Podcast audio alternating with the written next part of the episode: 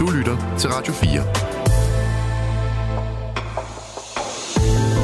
Velkommen til Vildspor. Din vært er Rasmus Ejernes. Hola, Andrew. ¿Cómo, Hola. Es, ¿Cómo estás? Hola Rasmus, uh, bien y tú? Soy muy feliz. Det er fantastisk. Endelig fremme. Endelig er vi her. Det har været den vildeste rejse, altså. Det må man sige, altså det, jeg er måske lidt øre øh, lang tur, øh, jetlagt en, en lille smule, ikke? Men altså, vi, vi er her. Vi er, Det gjorde det fandme. vi er i Ecuador, Det er så vildt. og øhm, ja, jeg, jeg sgu lidt... Jeg ved ikke helt, hvad jeg skal sige, ærligt talt. Nej, og vi ved jo, vi aner jo intet om, hvad der kommer til at ske herfra. Vi er jo på den måde, vi er jo ude på de vilde våge. Ja, det må man sige. Og vi tager lytterne med ind i den dybeste regnskov, den mystiske jungle. Ja. Man kan allerede fornemme, det er jo, det er jo et vildt, et vildt lyd, en vild lydkulisse, vi sidder i. Du, man kan høre meget, øh, og jeg ved, vil du måske lige beskrive, hvordan den her ser ud? Fordi altså, det, det er jo radio, vi er nødt til at være Jamen, jeg har aldrig været i regnskoven før, og jeg er bare overvældet over dens øh, grønhed. Altså, den går helt ind i, i, i sjælen på mig, den der, Ja. den, den der, det der frodige, og, og det har jo været en, altså en strapasserende tur, ikke? Vi har jo gået med langskaftede gummistøvler igennem det vildeste mudder, Ja. og på den måde også blevet lidt presset, kan man sige. Og nu, nu er vi her så, og det, det vrimler med fugle, og, og man kan høre, jeg tror, det er brølaber, man kan høre i baggrunden, det vil jeg sige. Ej, nu er de der ikke så ikke lige, men altså, det, det var der før, ikke? Jeg, jeg, jeg tror ikke, det fungerer, det her. Hvad? Kom nu. Kom, kom nu, Andrew. Okay, jamen det, ja, og, og øh, altså vi, vi, jo, vi, vågnet, vi er lige vågnet, og øh, øh, Asser skal vi snart mødes med, og, Ja, og hvordan skal føles det for dig, Andrew?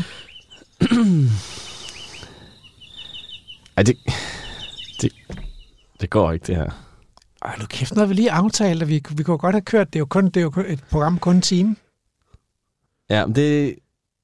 Altså, det, lydfilen, jeg har downloadet, var kun tre minutter. Okay, Så skulle den loopes, og det, altså, det var nogen, der ville opdage. det tror jeg. Og man kan godt, godt få, ørerne i maskinen, hvis man, øh, hvis man digter for meget eller plagierer. Du må ikke lægge lyd ind eller- noget, som ikke, altså, som ikke passer. Det har vi jo sagt før i Vildspor. Vi lægger ikke lyd, vi lægger ikke lyd ind. Nå, så, så opgiver vi. Okay, ja. så går vi til bekendelse. Vi står her hjemme i studiet i Aarhus. Vi kom ikke til Ecuador. Nej. Og det var fordi, at øh, Fito stak af fra et fængsel. det, det er sådan lidt, man kan svært ved at tage det alvorligt, når det lyder ligesom Fito. Men altså, Fito stak af på- fra et fængsel, og det er den mest Ja, Fi- berygtede bandeleder i Ecuador. Ja, sådan en rigtig narkoboss, tror jeg i hvert fald. Nu skal jeg passe på, hvad jeg siger. Jeg ved, jeg ved faktisk ikke helt, hvad han laver. Men det gætter jeg på, det har noget med narko at gøre. Ja. Han flygtede fra fængsel, og det i gang satte simpelthen sådan en, altså næsten sådan en lavine af alle mulige ting, med flere bander, der laver ravage i den, og nogen går ind på en, en tv-station og overtager en livesending, og øh, militæret øh, bliver sat ind, og, og den nye unge præsident, som jo kom til, den ekvadorianske præsident, som kom til i november, tror jeg det var, sidste år, Øh, han han, han øh, er, giver simpelthen en udgangsforbud mellem kl. 23 og 5 om morgenen. Ikke? Og det er altså en uge, inden vi skal afsted. Og, og øh, vi havde jo vores mand on the ground, altså Asser Ølgaard fra Anders Regnskov, var Ja. jo i Ecuador. Ja. Og han løjede ligesom, ligesom stemningen, og han sagde, vi kunne måske godt gennemføre. Problemet var, at vi risikerede at, at ende på et hotel, uden at kunne komme hverken frem eller tilbage. Ikke? Og så ja. kan man sidde der i tre uger, øh, mens tiden går. Ja. Det, vil, det, vil ikke, altså, det ville være vildt at spille øh, vores tid og, og, og rejsen på det. Så vi har udskudt ja. det på ubestemt tid. Ja. Så øh, vi og I, kære lyttere, kan glæde jer til, til sådan et, et virkeligt program, hvor vi rent faktisk kommer ned i regnskoven. Ja. Det er nok bedre sådan, ikke? Jo, fordi som, som Asser siger, vi, vi ved jo ikke rigtigt, hvad det er, vi går ind til. Altså det lød på Asser som om, at vi skal ikke være bange som sådan besøgende i landet, men det er mere, om landet bliver lukket mere ned. Og, Ja. Ja, det, det har måske også været en spændende radioserie. Os to strandet på et hotelværelse, og hvad kan vi så se af spansk talende tv? Det gode ved at udskyde det er, at vi, vi kan blive lidt bedre til spansk, end vi skal Ja, det er rigtigt. Det er måske fint nok. Øh, skal Okay, så skal vi mere. jo finde på noget andet i dag, ikke? Og, Jo. og, øh, og det vi har talt om, det var, at så kunne vi jo, så kunne vi jo lave et program om en ny bog. Ja. Når nu ikke vi kan få Regnskovens magi, så kan vi lave et program om en bog, der simpelthen hedder Genfortryllet. Ja. Øh, skrevet af to øh, tidligere optrædende i Vildspor, øh, Heidi Bohr Holbæk og Anne Eskilsen, Mm. Som har stiftet Naturrådgiverne, et lille konsulentfirma. Og vi, vi har fået lavet en aftale med Heidi om, at vi tager simpelthen ud og besøger hende, hvor hun bor. Ja. Og så taler vi om bogen, om, hvordan man kan genfortrylle øh, naturen Ja. ja. ude i, i et opdyrket, pint og plaget øh, dansk kulturlandskab. Ja. Hvis man har viljen til det. Ja, lige præcis.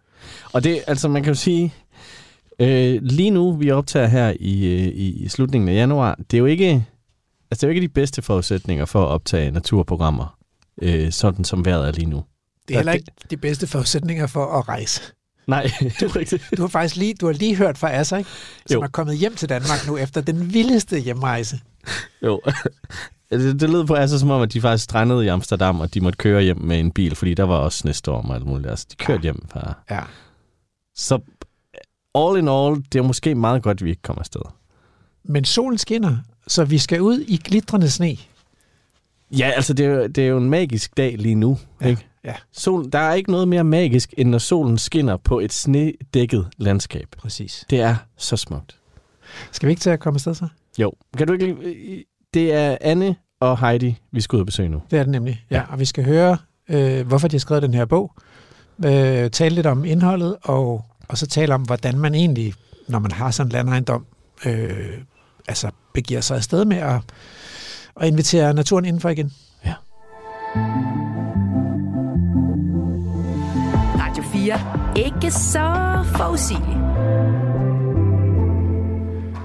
Nu er vi øh, ankommet. Vi sidder i øh, en stue, men på en eller anden måde, så er det sådan et, et, et følelse af at sidde et slot. Øh, en bjælkehytte med sådan øh, åbne skrå lofter og store bjælker og bærende bjælker, der stritter ind i rummet her, og så midt i det hele en, et træ. Et træ, der, der sidder et spætte, en grønspætte på e, en af de her træer, der ligesom står inde i huset, og der er en, en kæmpemæssig, massiv masseovn. Jeg lige prøvet at stå op af den. Altså sådan en, en rigtig grundvarm masseovn, der bliver fyret op to gange om dagen. Vi er på besøg hos dig, Heidi. Tak fordi vi må komme. Det er jo så hyggeligt, at I vil komme forbi. Det er Heidi Bur Holbæk, og ved siden af Heidi sidder Anne Eskilsen. Og grunden til, at vi er her, det er jo, at I har skrevet den her bog, og øh, det er første gang, jeg ligesom får den i hænderne. Genfortryllet. Vejen til mere biodiversitet på din landejendom. Anne Erland Eskilsen og Heidi Bur Holbæk. Var den flot? Tak. Tusind tak. Ja, det var heldigt, at, at vi faktisk har en til dig, fordi vi skulle have fået den leveret i går, men der skete simpelthen en fejllevering. Den er kommet, den er udgivet af Aarhus Universitetsforlag, så vi skulle have fået en palle med den her bog i går, men da pallen kom, så var det den forkerte palle, der kom, så vi fik sådan en, det ved jeg ikke, der var alt muligt, der var bøger om Holberg, der var faktisk også en bog om orkideer, det må vi hellere få kigget på. Og så var der lige et par stykker af dem her, så vi brød simpelthen pallen op og stjal to eksemplarer, som skulle være gået til forlaget og øh, sendte resten. så det er de to, vi sidder med nu. Men øh, Men altså, ja, Andrew, du sendte mig øh, en, en pdf-version af bogen, så, så vi har snydt. Vi har så kigget på den. Øh, skrålæst den. I al hast, inden vi kom. Ja. I er jo de første, der ser den, så er vi jo spændt på at høre, hvad I siger til det. Jeg synes, den er mega fed, men jeg kunne godt tænke mig faktisk, fordi når man bladrer op i den her bog, det er jo sådan en uh, hardcopy, den er, sådan, den er kvadratisk stort set, øhm, og når man så bladrer op i den, så er noget af det første, man møder her, det er et digt. Anne, vil du ikke læse det her digt op? Nu skal jeg lige finde det. Det er, det er et uddrag fra det digt, der hedder Sommerfugldalen, som der sikkert er, er mange af lytterne, der allerede kender. Det er skrevet af Inger Christensen. Øhm, og vi har taget det med, fordi vi godt kunne tænke os ligesom at, at indlede bogen med den her magiske, lidt fortryllede stemning, som vi håber, sådan vi kan føre igennem, hele vejen igennem bogen, fordi det er jo det, det handler om. Det er jo den her fortryllelse af naturen. Men, øh, men det, der står, det er, de stiger op planetens sommerfugle, som farvestøv fra jordens varme krop. Sinober, okker, guld og fosforgule, en sværm af kemisk grundstof løftet op. Er dette vingeflimmer kun en stime af lyspartikler i et indbildt syn? Er det min barndoms drømte sommertime, splindret som i tidsforskudte lyn?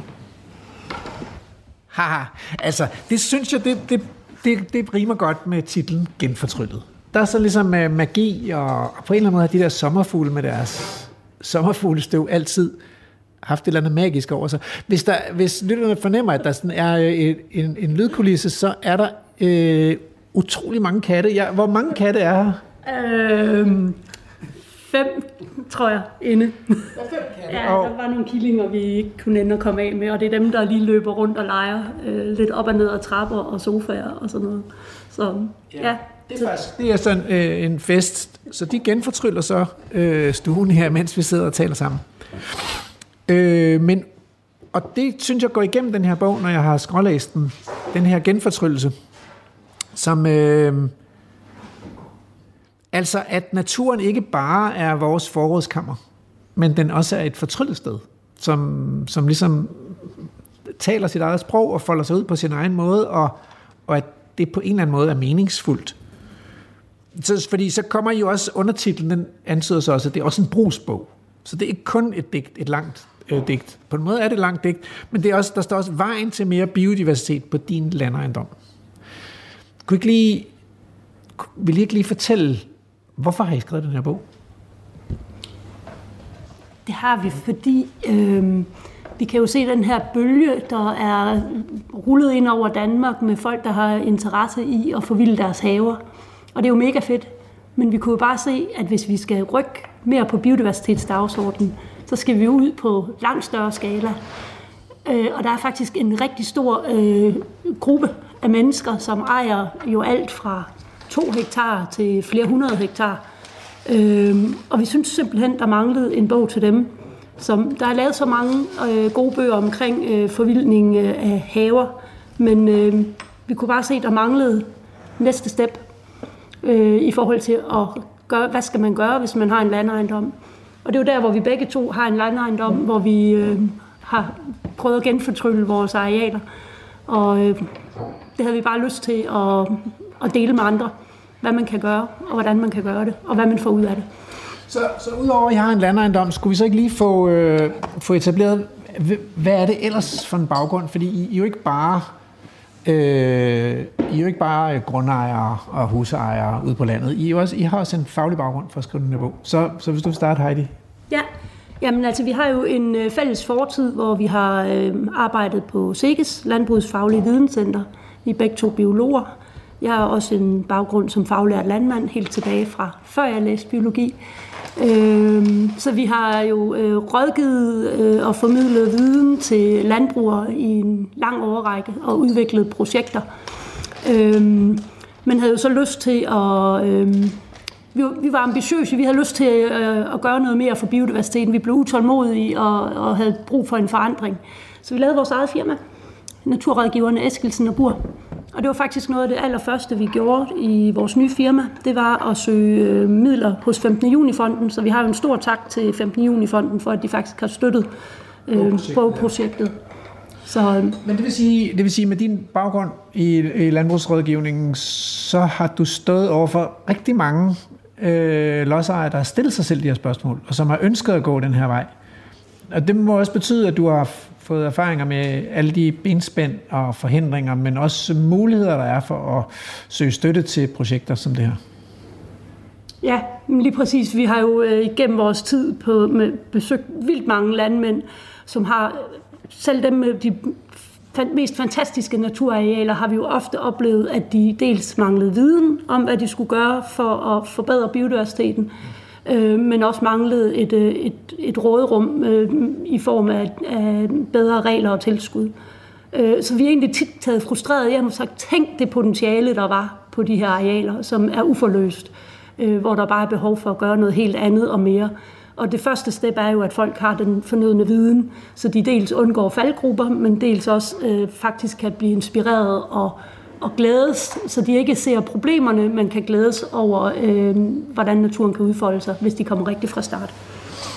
Og Anne Eskildsen, altså udover at have været på Sikkes, så har jeg også været kollega med dig på Aarhus Universitet for ikke så længe siden. Altså. Vi sad sammen ude på Kalø, mens du skrev din Ph.D. Ja, det er rigtigt. Øhm, jeg lavede øh, en PhD, som handlede om sommerfugle. Det vil man også bemærke, når man bladrer i bogen, at den er ret gennemsyret af, mange billeder af dagsommerfuglene. Så det er jo fordi, at, øh, at jeg har en, en helt særlig øh, kærlighed til dem. Øhm, og min PhD handlede om øh, at, at undersøge altså, den, den her det her kollaps, som jo faktisk er sket i den danske dagsommerfuglebestand igennem jamen, lang, lang tid. Ikke? Så få udfoldet det her kollaps ved at se på historiske data. Øh, og, og, og det var jo øh, et rigtig spændende øh, projekt, som, som jo også har været med til at skabe noget opmærksomhed omkring, øh, at dagsommerfuglene går tilbage, hvorfor de går tilbage. Men, men samtidig sad jeg jo også med den her følelse på universitetet af, at, at, øh, at jeg skrev de her artikler og, og var i, på, til konferencer og så videre, men det stansede jo ikke øh, dagsommerfuglenes tilbagegang. Så, så, så jeg havde ligesom jeg havde lyst til den her mere... Øh, den her mere praktiske vinkel, at, at komme ud og faktisk arbejde med de mennesker, som, som har en mulighed for at, at gøre en forskel. Øh, og det har vi jo så prøvet i, i en del år med landmændene, og det har, det har jo været rigtig, rigtig spændende, men nu har vi ligesom lyst til at, at tage, det, tage det op på den næste level, og, øh, og, øh, og se, om, om vi ikke kan få flyttet nogle flere mennesker i den her retning. Og der, jeg synes jo, at sommerfuglen er jo fantastiske, fordi for at vende tilbage til den her genfortryllelse, og det kan vi jo snakke meget mere om. Men, men, men de er jo i hvert fald en af de her artsgrupper, som kan være med til at, at, at folde den her naturbegejstring ud, øh, og, og give folk et, måske et nyt syn på, på den jord, de ejer, og, øh, og de arter, der er derude, og hvilket potentiale der er, og hvor fantastisk det er, når man kan se naturen komme tilbage. Altså, vil I beskrive jer selv som, øh, som fødselshjælper eller aktivister? Altså, hvor politisk et projekt er det her egentlig? Jeg tror, vi er begge dele. det var nok ja, en meget god betegnelse. Men, men, øh, men, men, men har I også en fornemmelse af, altså, hvor stor er den her bølge? Øh, nu, nu, en af de ting, som jeg synes er fede i bogen her, det, det er jo, at I, I dykker ned i nogle konkrete eksempler. På nogle mennesker, som simpelthen har, har gået vejen, har valgt øh, og ligesom, stå, jeg ved ikke, om man kan sige, stå af hamsterhjulet, men på en vis måde, i hvert fald i forhold til den jord, de har købt. Så de har købt noget jord, og så har de sagt, nu skal den ikke længere pines og plages, for at, kunne, at man kan vride naturressourcer ud af den til mennesker. Nu skal den have lov til at blive til vild natur igen, og blive til glæde for alle de andre arter, vi bor her sammen med. Øh, så der er en række af sådan nogle konkrete eksempler nogle af dem, kan man sige, når man kigger igennem, så kan man sige, om dem kender vi godt fra Vildsborg. Ikke? I, I har været på Knuds Hoved Øjet, og I har været hos Peter Størup inden, øh, ikke så langt herfra, i Lindordalen. Øh, og I har været i Kravlund Mose og talt med Martin Sandager. Så er der faktisk også nogle eksempler, vi ikke har besøgt i Vildsborg, så, så der er også noget inspiration der. Det kunne godt være, at vi skulle til Bornholm og besøge hvad, Sjælegård. Sjælegård Lodge, ja. Øh, men, men hvor udbredt er det her fænomen? Altså, hvor, hvor mange mennesker går med de her tanker? Har I, har I sådan en, en fornemmelse af det? Fordi når man kigger, når man flyver over Danmark, og sidst jeg fløj over Danmark, så kigger man jo stadigvæk ned på sådan et kludetæppe af marker, ikke? Altså et patchwork af, det er jo stadigvæk et intensivt dyrket landbrugsland. Er, er der noget øh, gods i den her bevægelse? Det tror jeg faktisk, der er. Det er jo derfor, altså det vi fornemmer, det er jo en stigende interesse. Altså, du skal jo ikke mange år tilbage, før folk ikke anede, hvad biodiversitet var, og hvad det handlede om. Men lige meget, hvem du snakker med, øh, når vi fortæller, at vi er biologer, og vi har vores eget rådgivningsfirma, så begynder folk jo straks at tage udgangspunkt i at sige, at de har også en have, og de har faktisk øh, holdt op med at slå græsset og udså lidt vilde planter. Øhm, og når vi kommer ud til forskellige lodsejere, det er jo alt fra dem med de to hektar til flere hundrede hektar, så fornemmer vi jo også hvis vi ser bort fra den gruppe, som ligesom er, er typiske produktionslandmænd og skal leve af deres landbrugsproduktion. Så, så dem med mindre arealer, der er jo rigtig mange hobbylandbrug, som også nemt kan have op til 100 hektar. Øh, og så dem godsejerne, de rykker altså også på en anden skala. Mm. Så vi kan jo se, se, se den her bevægelse, øh, der er i gang på tværs.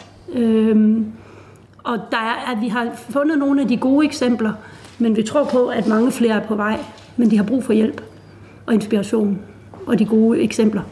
Men, ja. Og øh, noget af det, vi har prøvet med de her cases, det er jo øh, udover ligesom at vise, at det her det rent faktisk kan lade sig gøre, øh, så, så er der ligesom øh, to ting. Det ene er at vise, at man kan gøre noget på alle skalaer. Så vi har både øh, et eksempel med øh, Henrik og Helle, som, som har deres lille sommerhus, hvor der bare er nogle ganske få hektar til, men hvor de alligevel laver et fantastisk fedt øh, naturprojekt. Og så helt op til Martin Sandager med, med rigtig, rigtig mange hektar. Så det er jo både for at vise øh, den her øh, skalaforskel, men også at, øh, at de folk, vi har snakket med, har haft meget forskellige udgangspunkt. Altså, nogen har allerede vidst rigtig, rigtig meget om natur, og har næsten været lidt øh, naturnørdet, og andre har jo faktisk ingenting vidst. Altså sådan en som Martin Sandager, da han, da han startede på sit projekt ude i Kravlund Mose, han er jo ved Gud ikke biolog, øh, men han havde begejstringen og, og lysten til at se den her forandring. Øh, så det er også for at vise folk, at øh, man behøver altså ikke at være biolog for at, at gå i gang med den her genfortryllelse. Det, det er noget, alle mennesker kan gøre. Man kan godt lidt få fornemmelsen af, at det her, det er simpelthen... Øh, det er simpelthen vildspor på skrift. Det vil jeg godt sige til alle lytterne. Hvis I sidder og tænker på, hvorfor kunne vi ikke, øh, hvorfor kunne vi ikke få det sådan, bare, sådan i kondenseret form? Alle billederne, og, og der er jo faktisk ikke, vi, vi kommer jo ikke med nogen billeder. Der er virkelig mange billeder. Der er sgu da tit billeder. Ja, men ikke, der er virkelig mange flotte billeder. Oh, jeg kan tage så gode billeder, mens jeg går og optager. Altså, øh, synes jeg, du har. Nå, nej, det var egentlig mest for at sige, at der er mange super fede billeder. Det, du har taget mange af de her billeder, Anne. Ja. Så, så har du bare altid kameraet med, når du er ude, også på rådgivningsopgaver og i andre sammenhænge og sådan noget. Der har man den der fornemmelse af. Ja. Det der kamera, det er ikke langt væk. Nej, jeg har, det, jeg har det faktisk altid med, og jeg banner altid lidt over det, fordi det er sådan lidt stort og, og klodset. Men, øh, men omvendt, så synes jeg jo, at det, øh, det har så, så stor en værdi og så stor en fortællekraft at kunne, kunne vise de der billeder, fordi øh, tit oplever vi, når vi er ude og snakke med folk, vi oplevede det især med landmændene, at øh, man kan godt stå og snakke om, om god natur, men lige pludselig går det op for en, at man står og snakker om to vidt forskellige ting. Øh, så det der med at kunne sætte nogle billeder på, når vi snakker om, hvordan vild natur ser ud, hvordan øh, et areal, som er græsset, på den rigtige måde, hvis det skal have gavn for biodiversiteten. Hvordan det ser ud. Hvordan det ser ud med et areal, der bare virkelig er sjask vådt, at det godt må få lov til at være så vådt, at nu bladrer du lige op på en side, at der godt må gå grise ud i en mose, og der godt kan vokse orkideer side om side med de der grise. Ikke? Altså og, at, vise de der billeder, så folk kan få det ind på nethinden, det synes jeg, det synes jeg er rigtig vigtigt, fordi mange af os har jo, det, det snakker vi også om i bogen, men vi mangler jo den der baseline øh, for, hvordan en vild og mangfoldig natur ser ud. Mange af os er jo vant til at gå i, i noget frygteligt forarmet, øh, kedelig natur, og tænker jo måske, det er normalt. Øh, så at kunne give mennesker det her billede af, hvordan det kan komme til at se ud, det synes, det synes vi har været en, en rigtig vigtig del af bogen. Så så jeg er glad for, at du bemærker billederne. så, og så vil jeg godt komme med en kommentar omkring det der politiske aktivisme eller fødselshjælper, fordi jeg synes faktisk, nu, det kan godt være, at jeg ikke har, har været med tætte kamp i bogen, men jeg synes ikke, der er ret mange løftede pegefingre.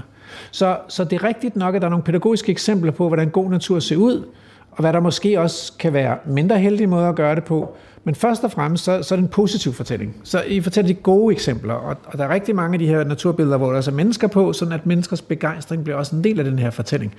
Er det, har det været et bevidst valg, ligesom at det så skulle være, være de positive og konstruktive historier? Ja, helt klart. Altså, øh, vi snakkede faktisk med en antropolog i begyndelsen af projektet, øh, inden vi begyndte at skrive bogen, hvor vi talte meget omkring det her med at flytte folks følelsesregister, fordi øh, ofte når vi snakker om klimakrisen øh, og også biodiversitetskrisen, så, så bliver det jo noget meget tungt øh, og deprimerende, og det kan gøre folk enormt handlingslammede.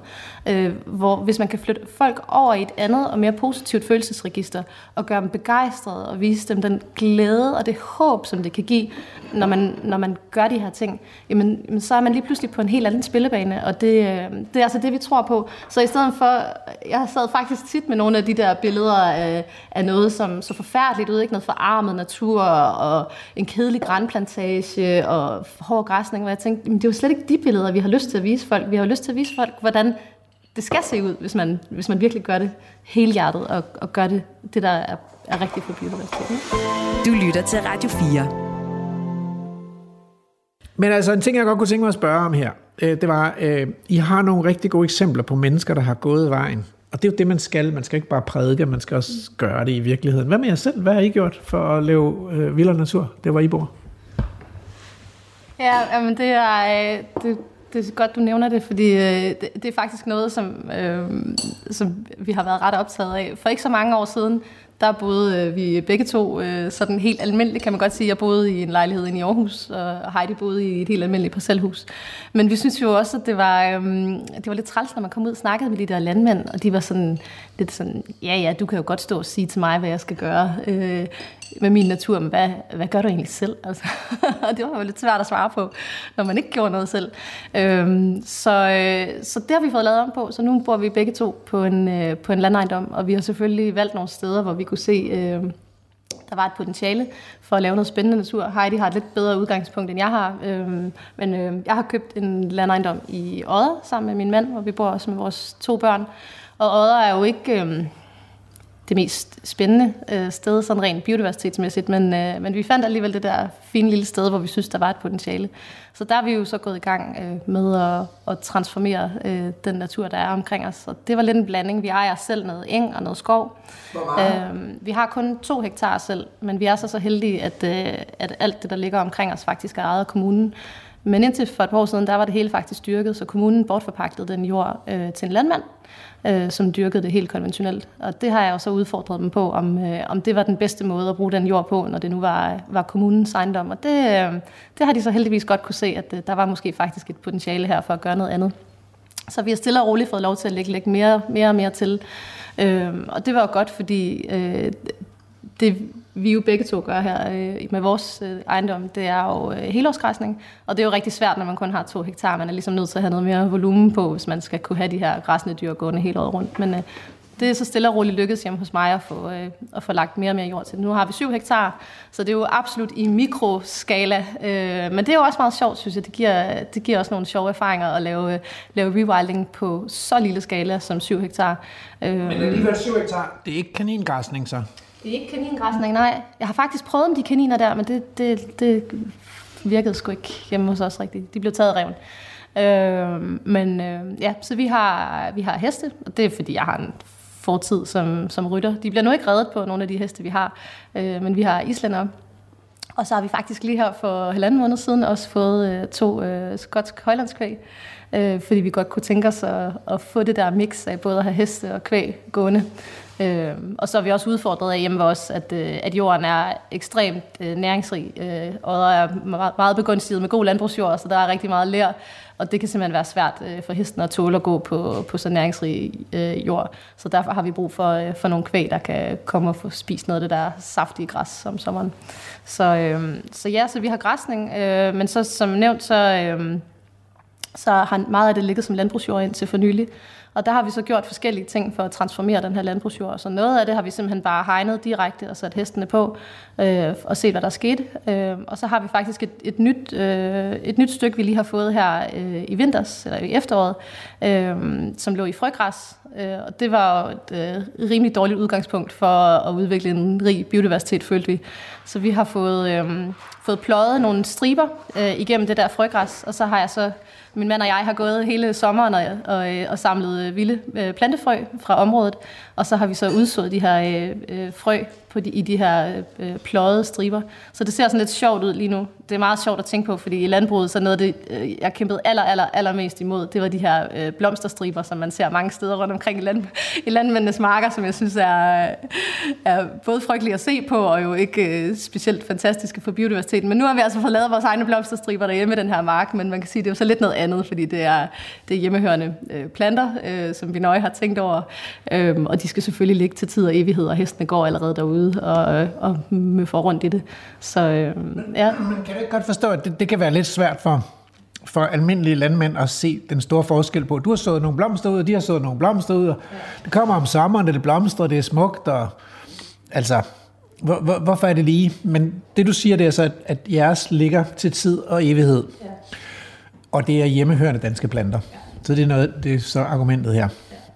Okay, men det bliver spændende at se, om det virker. Ja, det bliver spændende. Ja. Hvad med sådan noget med dræn? Og er der også, altså fordi man kan jo også genoprette på andre ting end lige blomster og planter og græsning. Er, der, er, der noget, er der noget naturlig hydrologi? Er der noget muligheder der, eller er det ikke er det bare højbundsjord? Ja, der er et kæmpe øh, potentiale faktisk ude i det område, hvor vi bor, vi kan se på gamle historiske kort, at der har været rigtig, rigtig vådt, og der, er, øh, der har ligget kildevæld øh, før i tiden.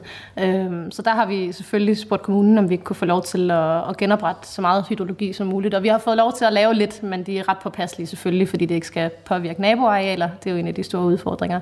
Men vi har fået lov til at grave nogle af de der gamle dræner op, og det, er simpelthen, det har nærmest været noget af det fedeste, synes jeg, at prøve det der med at få sådan en maskine til at komme ud og grave de der gamle dræner op, som er lagt ned i 50'erne, og bare kyle dem ud. De ligger faktisk hjemme i haven, for jeg kan godt lide at bare gå og kigge på dem. og tænke på, at de er gerne nede i jorden mere. så øh, ja, så det begynder også at, at, blive, øh, at blive vådt derude nu. Men tror du så, at de der magiske sommerfugle kommer tilbage til dig i året, eller hvad, hvad er dine forhåbninger der? Ja, det er jo en stor udfordring. Altså som sagt, så øh, der hvor vi bor, er det jo en, en, øh, jeg tror godt, man kan sige, at det er en biodiversitetsmæssig ørken. Øh, så den, den bedste sommerfuglart, vi har ude ved os, det er okkergul pletvinge, og jeg har en fornemmelse af, at det er den eneste lille bestand, der er i, i kilometers omkreds.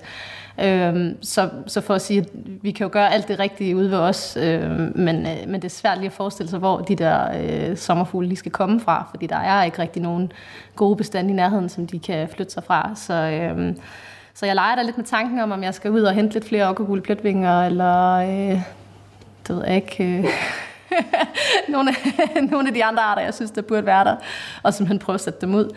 Øhm, men øh, jeg har ikke gjort det endnu. Jeg tror simpelthen, det der udsætningshalløj der, ikke? med planter og sommerfugle og sådan noget, vi kommer simpelthen forbi en dag og laver et program om det, fordi, fordi det, det er jo et stort... Hvordan, altså man kan gøre nok så meget for at genoprette gunstige livsbetingelser, men hvis ikke arterne er der, hvad skal vi så stille op? Altså? Og er det, er det virkelig så forbudt at tage dem ind igen, hvis man har skabt rammerne for dem? Nå, men, øh, men det bliver et fremtidigt vildsporsafsnit. Men Heidi, øh, hvad har du gjort? Jamen, øh, solen skinner og øh, glitrer i Gudenåen, øh, og skal vi ikke gå ud og kigge på det? Det ser faktisk ret tillokkende ud. Det synes jeg, vi skal gøre. Du lytter til Vildspor på Radio 4.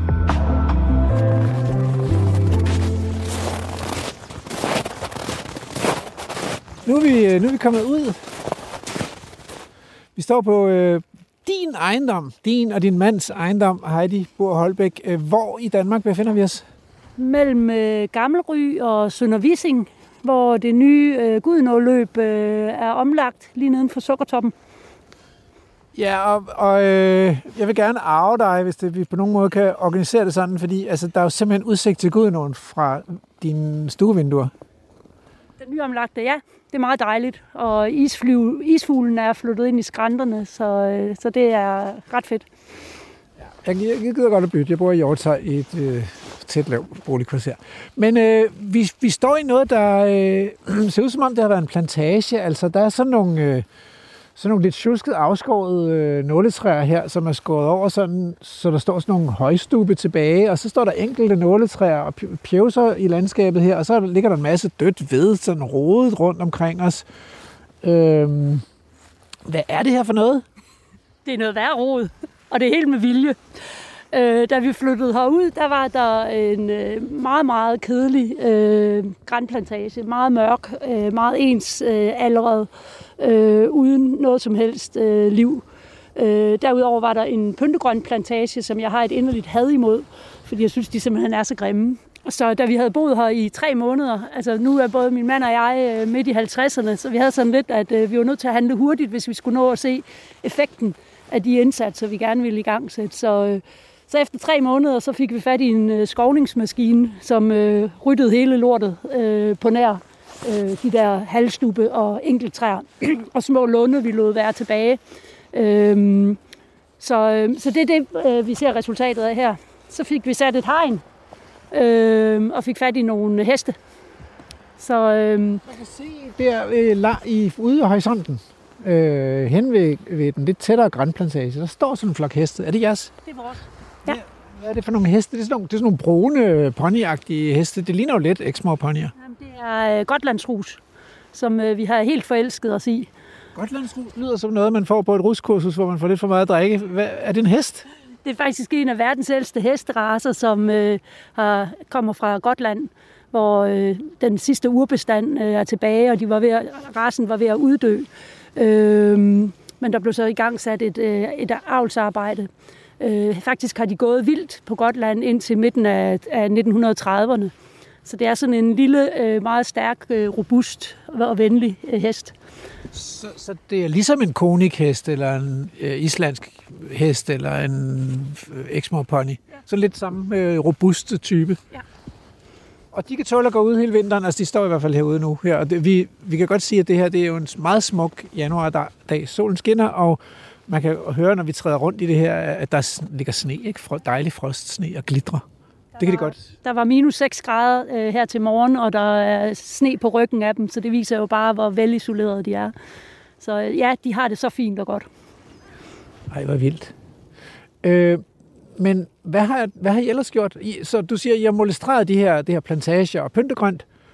Og hvad skal det blive til så? Øhm, det skal bare, øh, målet er at skabe så mange levesteder som muligt. Så, så skabe så stor variation og mangfoldighed, så arterne har lyst til at flytte ind. Og det, der har været øh, ret slående for os, det er faktisk, hvor hurtigt det er gået. Altså, nu sagde jeg før, at vi skulle i gang, så vi kunne nå at se øh, udviklingen i vores øh, levetid her.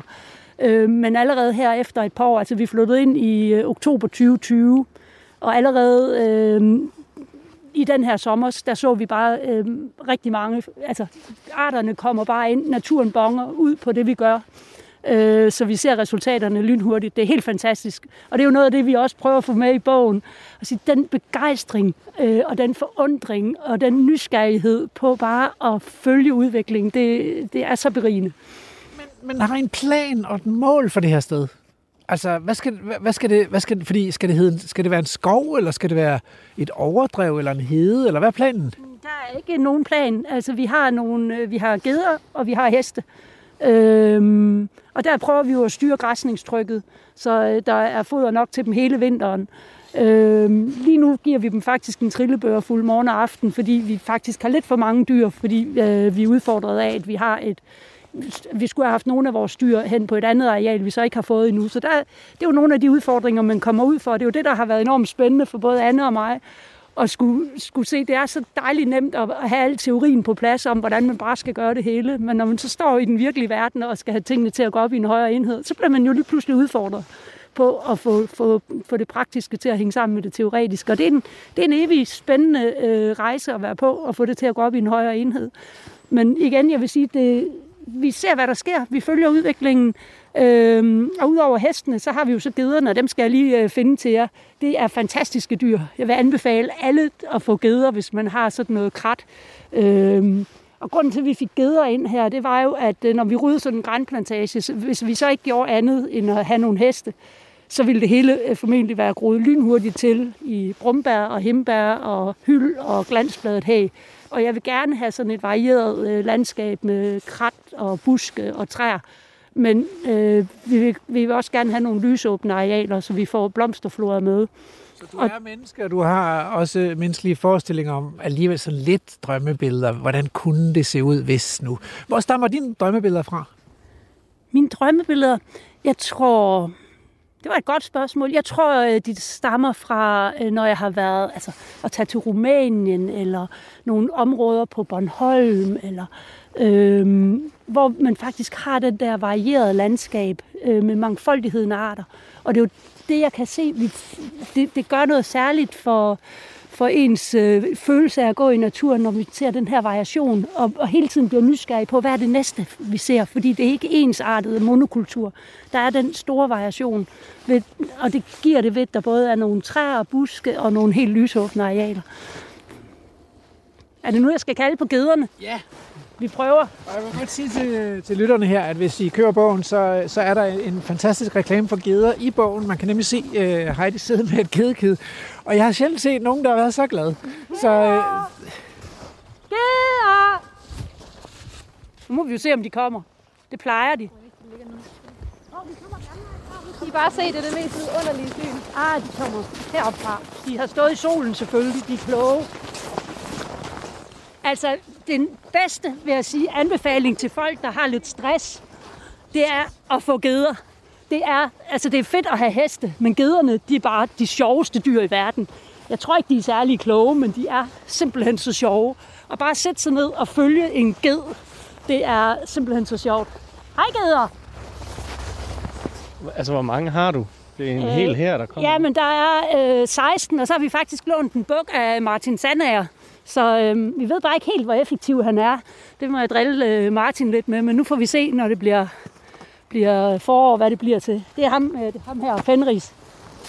Vi fik syv kide sidste år, og så skulle vi egentlig have været af med nogle af dem. Men øh, så har vi øh, lavet en aftale med Naturstyrelsen, der har et areal heroppe med en masse gyvel, øh, hvor de, øh, vi henvendte os til dem, fordi de har plejer at køre og slå det. Og så hvad skulle vi ikke øh, lave en aftale om, at vi satte nogle geder på i stedet for, fordi de geder, de kan altså noget helt særligt. Øhm, og så kom Naturstyrelsen på besøg og kunne godt se, at øh, vores geder var ret effektive. Men øh, det tager jo så lige lidt tid for Naturstyrelsen at få styr på alle øh, godkendelser og dispensationer. Så, øh, så derfor har vi lige lidt flere geder nu, end det var meningen. Det her Flint. Han er ved at mikrofonen. Ja, det forstår jeg godt. Så de kan noget særligt. Øhm, og, og det har særligt været imponerende, hvordan de er gået til glansbladet Hag, som overtog fuldstændig på det øh, gamle pyntegrønsplantage her. Øh, der stod det bare i løbet af et halvt år i to meters højde. Øh, men øh, gederne elsker det altså. Så, derfor er de gode at have her. Men øh, jeg synes også, vi skal nå over til øh, hesten, inden vi får, fordyber os helt i gederne. Og der ligger en mark derude, og det er også jeres. Ja, det er vores rumark, gamle rumark. Der var øh, lige høstet ru, da vi overtog ejendommen i 2020. Der er nogle billeder i bogen. Jeg, jeg kan huske, der, var, der er sådan et billede, hvor man kan se, en, en gammel, der står en gammel rumark, og så er der øh, i gul evighedsblomst. Er det, er det den her rumark? Det er rumarken. Det er jo rimelig legendarisk at få gul evighedsblomst ind på sit naturområde Jamen, efter dyrkning af ru. Du skulle have set mig den dag, jeg opdagede dem. Jeg stod bare helt selv og jublede helt vildt. Det var, øh, det var helt skørt. To år efter. Ah, det er snyd. Det er for nemt. Men det er jo en god, god pointe, synes jeg, at hvis man kommer rigtig fra start og gør det rigtige på de rigtige arealer, så kan man jo virkelig gøre en forskel. Og det er jo den fortryllelse, der er så fantastisk og så berigende. Og der har du altså været lidt heldig ved at købe en ejendom i Gammel Ry herinde i det midtjyske Søhøjland. Mens Anne har lidt tro, altså det er lidt mere op ad bakke, hvis man får en ejendom i Odder, ikke? Og det er jo også det, der er interessant at se, fordi Anne har noget, noget ret tung lærjord, og jeg har det reneste sand. Øh, så, så vi får jo nogle ret gode øh, snakke om, øh, hvad udfordringer der er ved dels at have noget lærjord, og dels at have noget sandjord. På en måde er lærjorden jo mere potentiel. Der, der er en, den har en større artspulje knyttet til sig, men den er bare så fuld med næringsstoffer. Den er svær at arbejde med, ikke? Og der er så lidt tilbage i landskabet omkring Odder. Så det, det, er mere, det, det er en større udfordring. Må jeg sige noget om det? Ja, fordi jeg synes faktisk også, altså man hører tit det der med, at, øh, at det er svært at genoprette øh, fed og artsrig natur på lerjord. Og jeg har faktisk været lidt overrasket over, hvor hurtigt det er gået hjemme med mig også. Jeg havde ikke forventet at se nogen stor effekt sådan lige øh, med det første, men jeg synes faktisk allerede efter, efter to sæsoner med helårsgræsning, selv på noget, der før har været landbrugsjord, så synes jeg faktisk allerede, at det ser, ser rigtig, rigtig fint ud. Jeg er bare slet ikke i tvivl om, at det er den der, det er den der helårsgræsning, vi mangler ind i billedet. Ikke? Det der med, at hestene faktisk har gået dødbit det der i foråret, og har givet urterne det der forspring, de har behov for, det har virkelig, virkelig gjort en stor forskel. Så måske er der alligevel et større potentiale, for, end vi lige går og tror. Jeg tror bare, vi glemmer græsningen. Helårsgræsning. og nu siger du helårsgræsning. Skal vi så ikke lige til slut her gå ned og se til de heste der, hvordan de har det? Okay. Du lytter til Vildspor på Radio 4. Uh, Heidi, nu står vi på den der øh, romark, men, men så er der også et areal der, der ligger lige ved siden af, øh, hvor der er sådan et spredt opvækst af birketræer. Det ser lidt anderledes ud. Det har der ikke lige været romark. Nej, der har været øh, grænplantage ind til 2012, kan jeg se på luftfoto. Øh, men jeg kunne se, da vi, øh, der, den sommer, inden vi, da vi egentlig havde købt ejendommen, men inden vi flyttede herud, der kunne jeg se, at, at det havde potentiale for at blive registreret som øh, paragraf 3 overdrev. Så jeg inviterede kommunen ud og fik det registreret som paragraf 3 overdrev. Og der er altså øh, tjærenellige og blåhat og lyng og almindelig røllige og en masse andre fine arter. Så, øhm, så øh, det, er jo, det er jo mit referenceområde i forhold til øh, grænplantagen over på den anden side af grusvejen. Øhm, så nu kommer hestene. Hej ven. Hej ven. Det er så de berømte Gotlandsrus, vi står her sammen med. Det er det. Og øh, det vi gjorde, det var jo øh, her, da vi overtog ejendommen, der var der øh, lige høstet ro. Så der var bare stup. Så vi satte sådan set bare et hegn op omkring øh, det stykke overdrev og øh, marken her. Og så fik vi hestene på allerede den første vinter. Og det tror jeg faktisk har været øh, en vigtig, vigtig årsag til det vilde blomsterflor, vi ser her nu. Øh, det er helt magisk. Jeg vil gerne invitere jer herud en sommerdag. Det er fuldstændig vildt, øh, det farveorke, der er herude.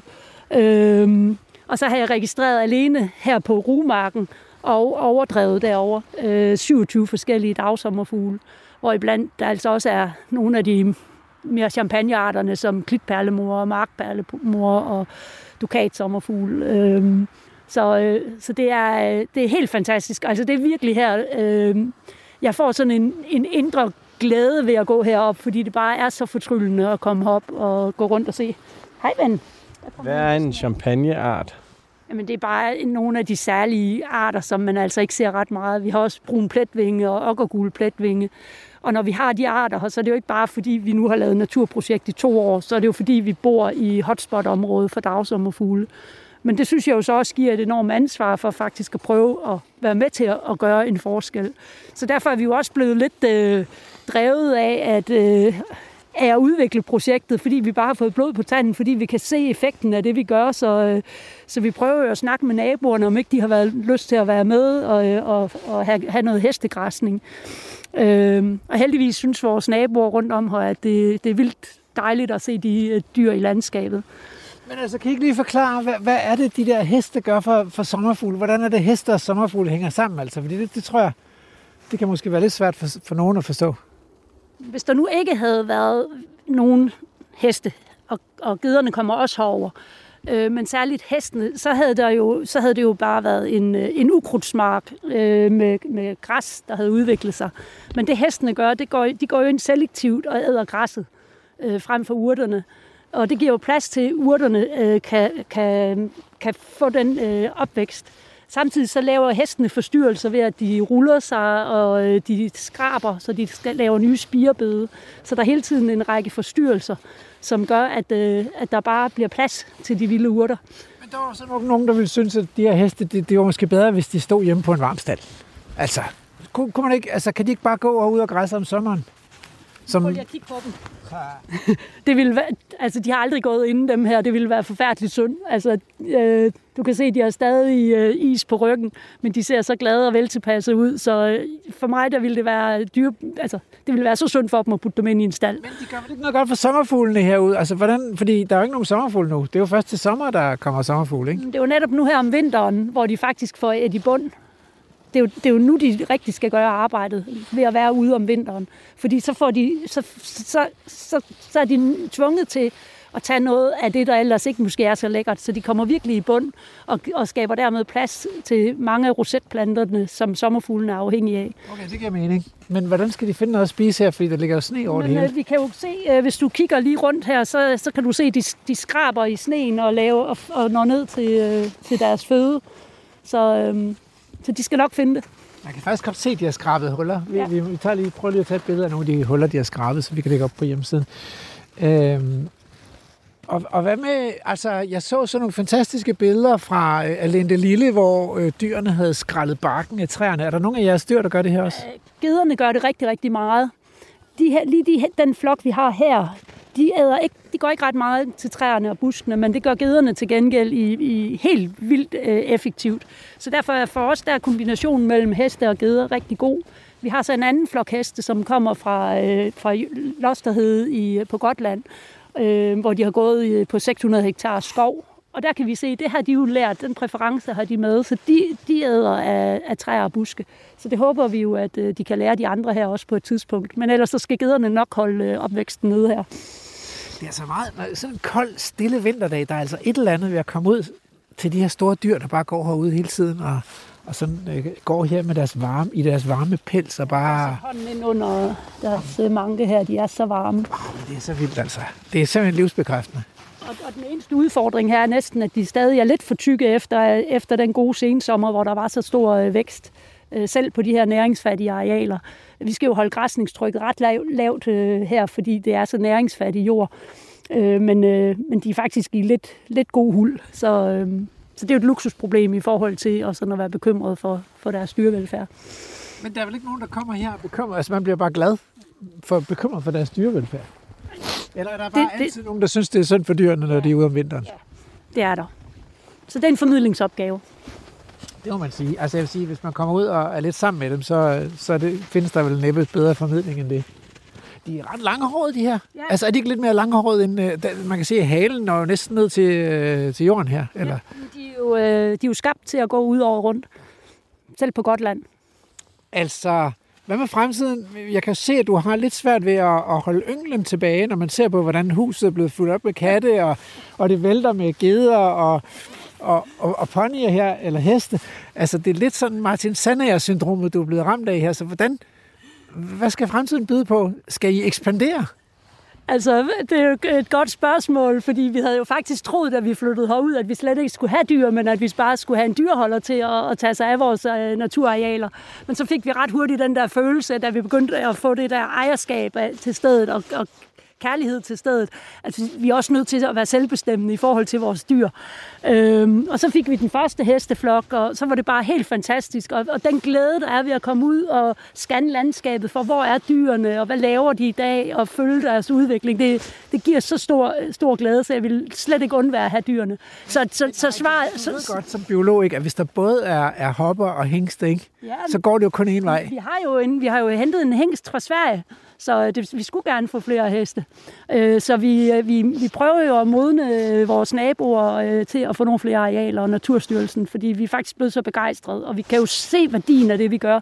Så, så jeg er ikke øh, fodboldtræner eller spejder. Jeg, øh, jeg bruger min tid på, på det her øh, naturprojekt, og det bliver jo en livsstil, og det giver så meget igen. Så det er helt fantastisk. Men er det ikke et kæmpe arbejde? Man skal rundt og se til alle de her dyr, og så er der et eller andet galt, og den ene halter og sådan noget. Kan, kan, kan det okay? Nej, det er så dejligt.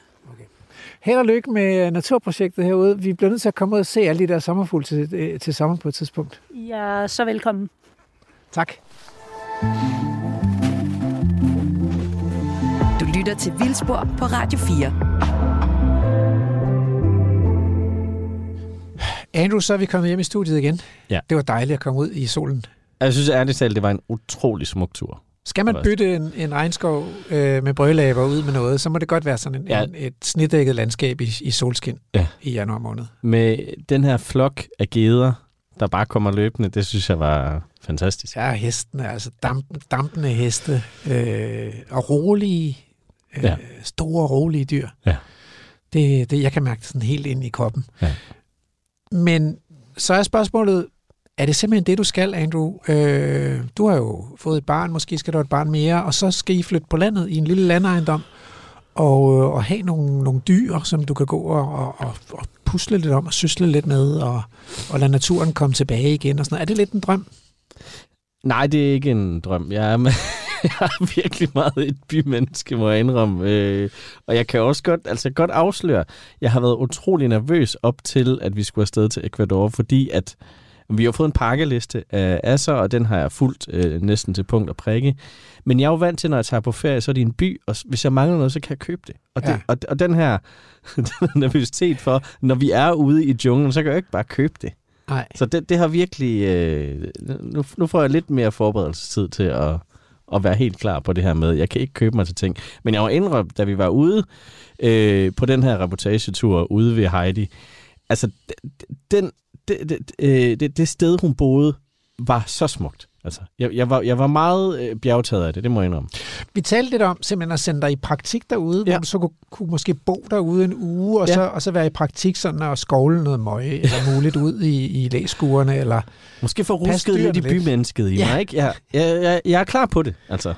Og så det kunne være første skridt, og så, og så til næste år, der kunne det måske være alene i Vildmarken, at vi simpelthen melder dig til sådan et overlevelsesprogram. Jeg vil ryge ud jeg vil elske så hurtigt, det var og jeg vil sidde klistret til skærmen. Ja, altså, jeg vil slet ikke nå ud i vildmarken. Jeg vil bare gå til, at skulle pakke til det program. Ikke? Det går ikke. Oh, det kan vi ikke have. Nej, men øh, du har afsløret for mig, at, øh, at når nu vi ikke kan komme til Ecuador, så har du simpelthen fundet en, øh, en hyldestsang skrevet af Fitos datter, altså ja. gangsterbossens ja. øh, datter. Hvad, det, hvad hedder Queen, hun? Queen Michelle hedder hun. Queen Michelle. Og jeg... du har også vist mig videoen, og det er, jo, det, er jo, øh, det er jo helt vanvittigt. Altså. Der er også heste med, og der, der er mange ting ja, det er med der. den der video. Og det er jo så, altså, når man tænker ligesom en hyldest til en narkoboss eller ja. en, en bandeleder, så tænker man jo øh, måske sådan lidt hård musik. Jeg tænker ja. altså gangster-rap, ikke? Noget, som, som virkelig sådan men det er jo mariachi-musik. Altså, det, det er jo øh, akustiske guitar og blæser og sådan noget. Det er, jo, det er jo den slags. Og vi, altså, du snakkede om, at vi skal øve os lidt på vores øh, spanske, og det, og det skal vi også, men jeg kan godt forstå det lidt af det, de siger. Og, og der er blandt andet en af dem, der, der snakker noget om, altså han, han ligesom ryster med fingeren og siger, siger nej, og så, og så noget med informant. Så jeg er ret sikker på, at informanter, de har det ikke særlig sjovt, hvis de ligesom bliver, kommer i Fitos øh, søgelys. Nej. Jeg tror bliver... måske lidt, det er en, en langsomt pint ihjel øh, under lyden til akustiske guitar. ja. og skøn sang. Okay, men så det klinger programmet simpelthen ud med en, en lille... Øh, en lille forsmag på det, der venter os, eller, eller Ja. noget. Ja, forhåbentlig ikke lige det, men ja. Men så skal vi vel også have øh, et haiku. Det skal vi jo, det er... Sådan er det. Så vi tak til øh, Heidi Bohr Holbæk for at invitere os på, øh, på kaffe og boller og en rundtur i naturen øh, ved, ved Gammelry, Gudenåen. Og en tak til Anne Eskilsen for at have gået turen rundt med os. Og tak til dem begge for at have skrevet en fremragende bog om at give naturen plads, hvis man har en landejendom. Tak til dig, Andrews, øh, for at have holdt mikrofonen og skrevet over diverse elektriske hegn. Og, øh, og ugens haiku lyder sådan her. Skalter og valter. Skældende evnens nyttetvang. Giv op og fortryl. Programmet er produceret af Videnslyd for Radio 4. un hombre de mucha honra, de carácter muy buena persona, y no es como mal informan, un buen amigo lleno de humildad, es el jefe y patrón, señores. Es Adolfo Macías Villamar.